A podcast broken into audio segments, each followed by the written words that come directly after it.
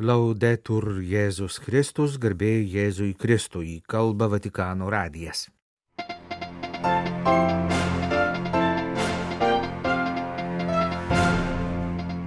Kalėdų proga popiežiaus valstybės sekretorius aplankė dvi šventojo sosto išlaikomas Romos ligoninės. Popiežius paskyrė savo nuolatinį atstovą Vietname. Popiežiaus pasiuntinys tęsė misiją šventojoje žemėje Naujojoje Zelandijoje mirė kardinolas Williamsas. Nikaragvoje suimtas dar vienas katalikų vyskupas. Mūsų laidos antroje dalyje - ketvirtojo Advento sekmadienio Evangelijos komentaras. Popiežiaus valstybės sekretorius kardinolas Pietro Parolinas jau priartėjusių kalėdų progą aplankė dvi Romos ligoninės, kurias išlaiko šventasis sostas kūdikėlio Jėzaus pediatrinę ligoninę ir nekaltai pradėtosios mergelės Marijos dermatologijos kliniką. Šeštadienio gruodžio 23 rytą kardinolas Parolinas aukojo mišes dermatologijos klinikos koplyčioje. Dalyvavusiems pacientams ir personalo atstovams perdavė kalėdinius popiežiaus pranciškaus linkėjimus. Penktadienio pavakarę, kaip kasmet prieš kalėdas kardinolas aplankė kūdikėlio Jėzaus pediatrinę ligoninę, bendravo su joje gydomais vaikais, jų tėvais, pasveikino gydytojus ir kitus darbuotojus. Užėjęs į dešimt ligoninės palatų kartu su juose gulinčiais vaikais ir jų tėvais, sukalbėjo po sveiką Mariją, įteikė vaikams popiežiaus jiems perduotų dovanų. Atskirai susitikęs su ligoninės vadovybė ir personalu, kardinolas Parolinas be kita ko kalbėjo. Pastaruoju metu gana dažnai tenka girdėti klausimus, ar reikia šventajam sostui ligoninių, ar vadovavimas ligoninėms suderinamas su jo misija. Iš tiesų reikia sutikti, kad tai nėra jo tiesioginė misija, tačiau taip pat aišku, kad rūpinimasis sveikatos apsaugai yra svarbi misijos dalis. Mes vykdome Jėzaus misiją gydyti ligonius. Jis gydė sielą ir kūną. Šią užduotį jis pavedė mokiniams. Bažnyčia ją tęsia ir šiandien. Popiežiaus valstybės sekretorius dėkojo Šventojo sosto pediatrinės ligoninės personalui už tarnystę sergantiems vaikams, nes tai kartu yra ir tarnystė Evangelijos skelbimo misijai. Jūs nepamokslaujate, sakė kardinolas medikams bet savo darbu liudijate misiją, kurią Jėzus patikėjo mokiniams. Popiežius Pranciškus paskyrė apaštališkai nuncijų Singapūrė arkivyskupą Marė Kazalevskį savo nuolatiniu atstovu Vietname.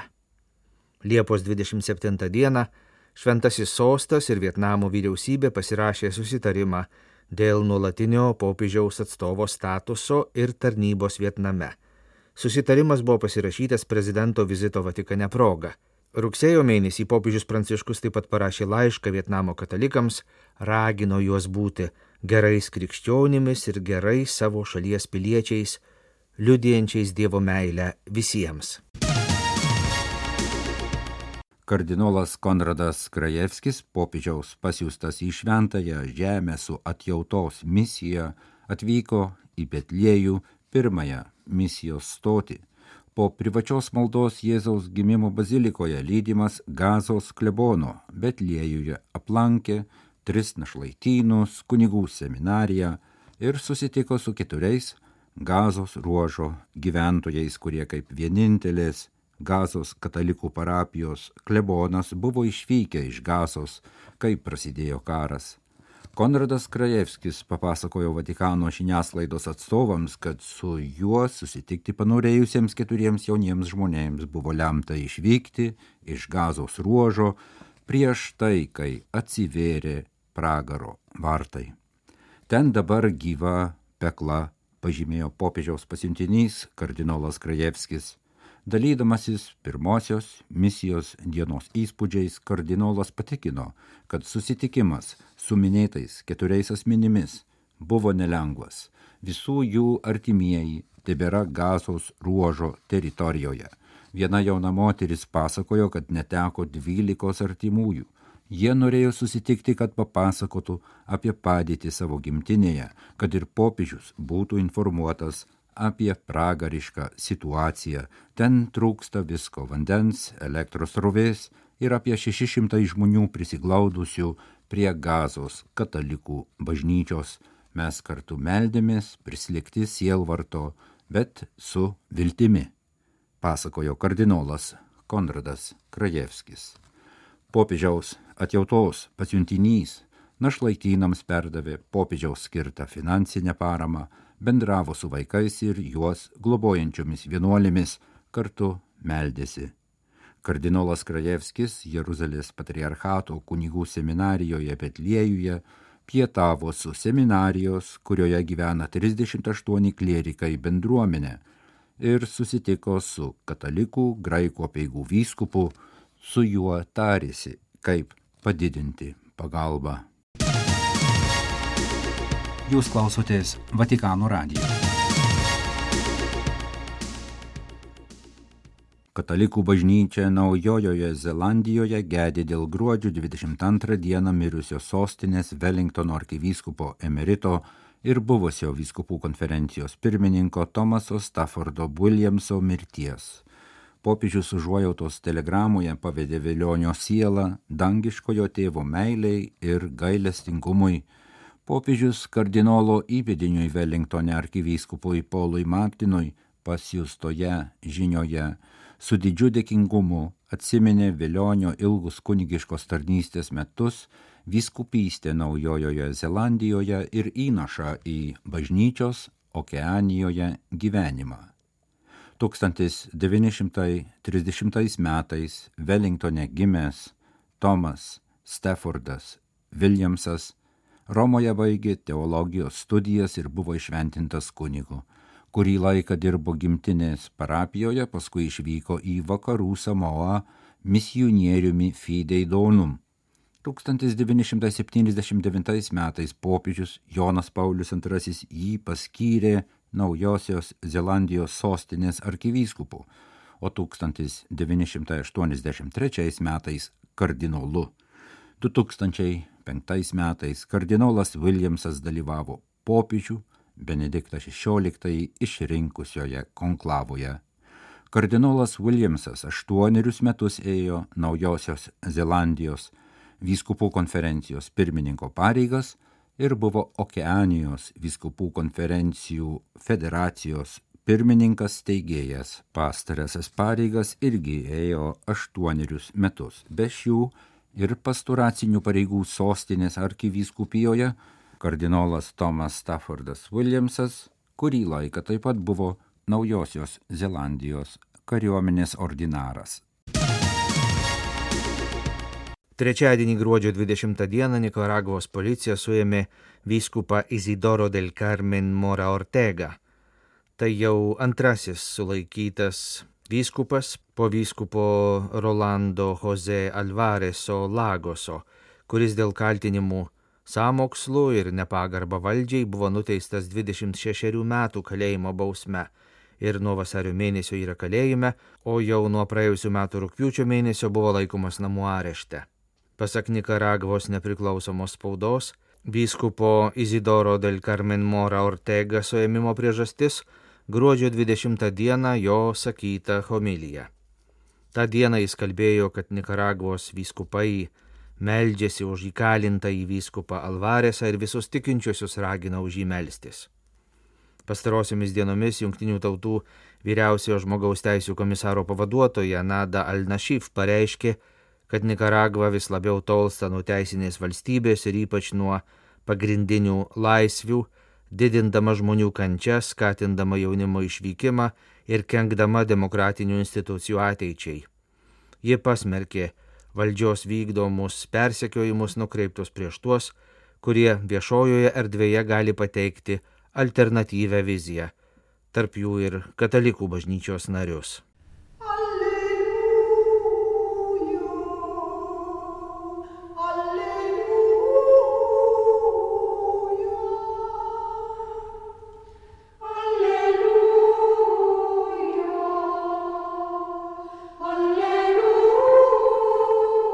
Ketvirtasis Advento sekmadienis iš Evangelijos pagal Luką.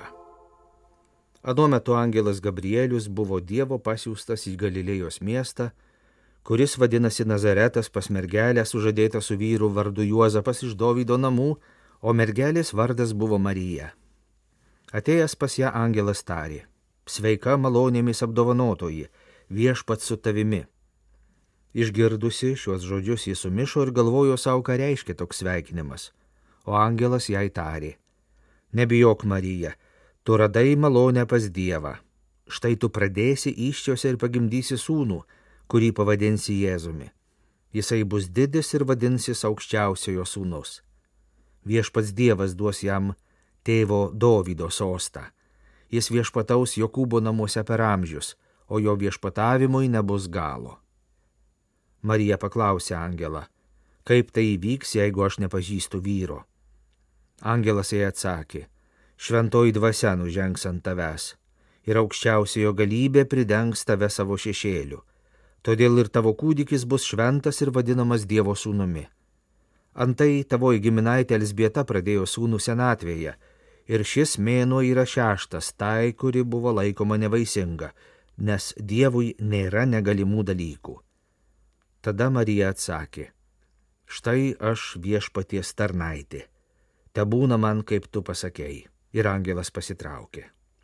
Skaitome Monsignoro Adolfo Grušo mums parengtą ketvirtojo Advento sekmadienio Evangelijos komentarą. Nebijokite.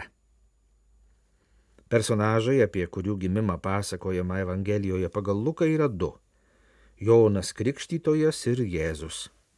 Tai du atvejai, kuomet vyrams labai sunku įtikėti, tuo tarpu moterys pasirodo esančios kur kas atviresnės Dievo planams. Jono Krikštytojo tėvas Zacharijas buvo kunigas ir jam atliekant tarnystę Jeruzalės šventykloje angelas pranešė, kad išsipildys jo troškimas susilaukti vaikų. Paskui angelas keliauja į Nazaretą, nedidelį kaimelį, kuriame gyveno apie 400 primityvių žmonių. Prieš tai angelas kreipėsi į vyrą, o dabar keliauja pas moterį. Tais laikais toks sumanimas būtų buvęs griniausia fantazija, kvailystė bet kuris to meto rašto aiškintojas būtų paklausęs, kaip galėtų ateiti Dievui į galvą mintis kreiptis į moterį. Senajame testamente aprašomas tik vienas atvejis, kuomet Dievas tiesiogiai kreipėsi į moterį. Tai buvo Abraomo žmona Sara. Ir tai Dievas taip pasielgė tik tam, kad ją pabartų, o nuo tada niekuomet nebuvo ištaręs ne žodžio jokiai moteriai. Ir vis dėlto Dievas renkasi Galilėjos Nazaretą, kad ten surastų gelbėtojo motiną. Tikriausiai nebūtų buvę galima rasti prastesnės vietos. Mes tokiu atveju tikriausiai rinktumės kokį nors svarbų miestą. Tačiau Dievas niekuomet nesielgia pagal žmogaus planus. Jis nori tapti žmogumi konkrečioje vietoje. Be abejonės jis būtų galėjęs rasti kitokių būdų papasakoti pasauliui apie save, tačiau pasirinko miestelį, kuriame buvo nedaug namų, kuris niekada iki tol nebuvo minimas Biblijoje, ir keliauja pas 13 metę mergaitę vardu Marija. Tuo metu žydai žinoma pasakytų, kad Biblijoje kalbama apie vienintelę Mariją, Mozės seserį, Dievo prakeiktą ir nubaustą raupsų lyga. Vienu žodžiu, prielaidos apreiškimui buvo pačios praščiausios. Atvykęs angelas sveikina Mariją. Sveika, malonėmis apdovanotoji. Marija yra apdovanota malonėmis, bet ne nuopelnais. Jie nepadarė nieko, kad nusipelnytų to, kas vyksta, nes Dievo dovanos nenusipelnomos, bet priimamos. Viso to centre yra Dievo dosnumas, dėl kurio viskas yra įmanoma. Dievo kvietimas tai net lyginimas už mūsų gabumus ir nuopelnus, bet raginimas atsiverti tam, kas atrodo neįmanoma. Jei mes jaučiamės kupini nuopelnų, šioje vietoje reikėtų šiek tiek apsiraminti, bet jei suvokiame save kaip mažą, nežinomą taškelį visatoje, galime pakelti akis ir leisti, kad mus apsiaustų Dievo meilė. Dievas nenori kitų, bet tavęs nes negali padaryti nieko be tavęs, tačiau gali viską su tavimi. Lukas primena mums, kad bent jau Dievo akivaizdoje mes neprivalome būti geriausi. Jam svarbiausias yra mūsų pasirengimas atiduoti jam save. Nebijok, sako angelas Marijai, nebijok Marija, kad Dievas nesirenka lengvo didybės kelio, nebijok, kad Dievas begalinis slepiasi žmogiškame embrione. Nebijok Marija, kad Dievas atėjo ten, kur nesijaučia šventyklos smilkalų kvapo ir kur nesiekia didelio miesto šviesos. Nebijok, sako angelas kiekvienam iš mūsų. Šventajame rašte šis žodis pakartojimas 365 kartus.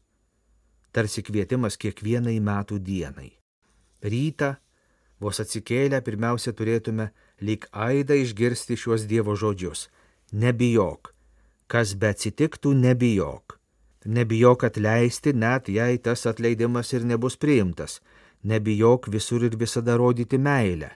Nebijok pradėti, nes tu nesi tas pats, kas ir tavo klaidos. Nebijok tarti taip. Nebijok, nes aš su tavimi.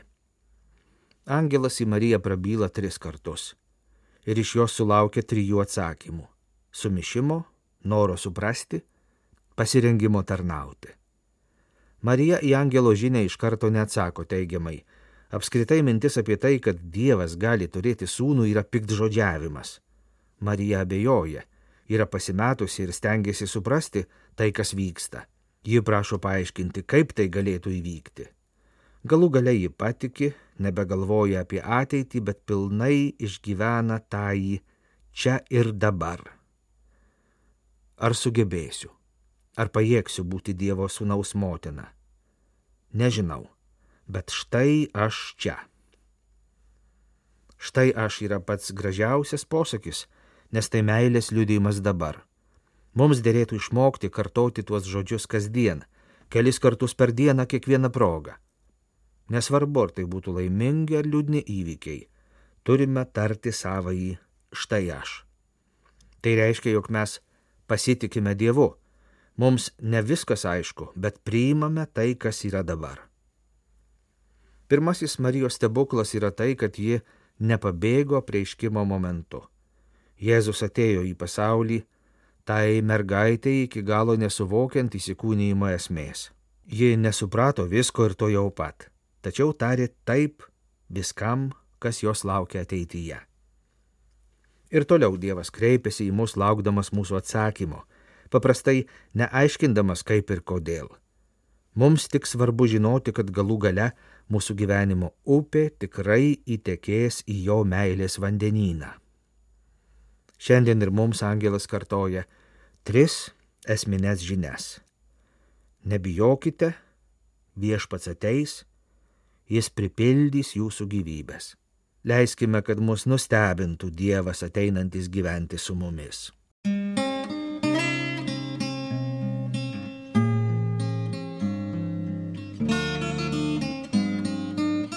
Kalba Vatikano radijas. Laidą lietuvių kalba baigėme. Garbėjai Jėzui Kristui, laudetur Jėzus Kristus.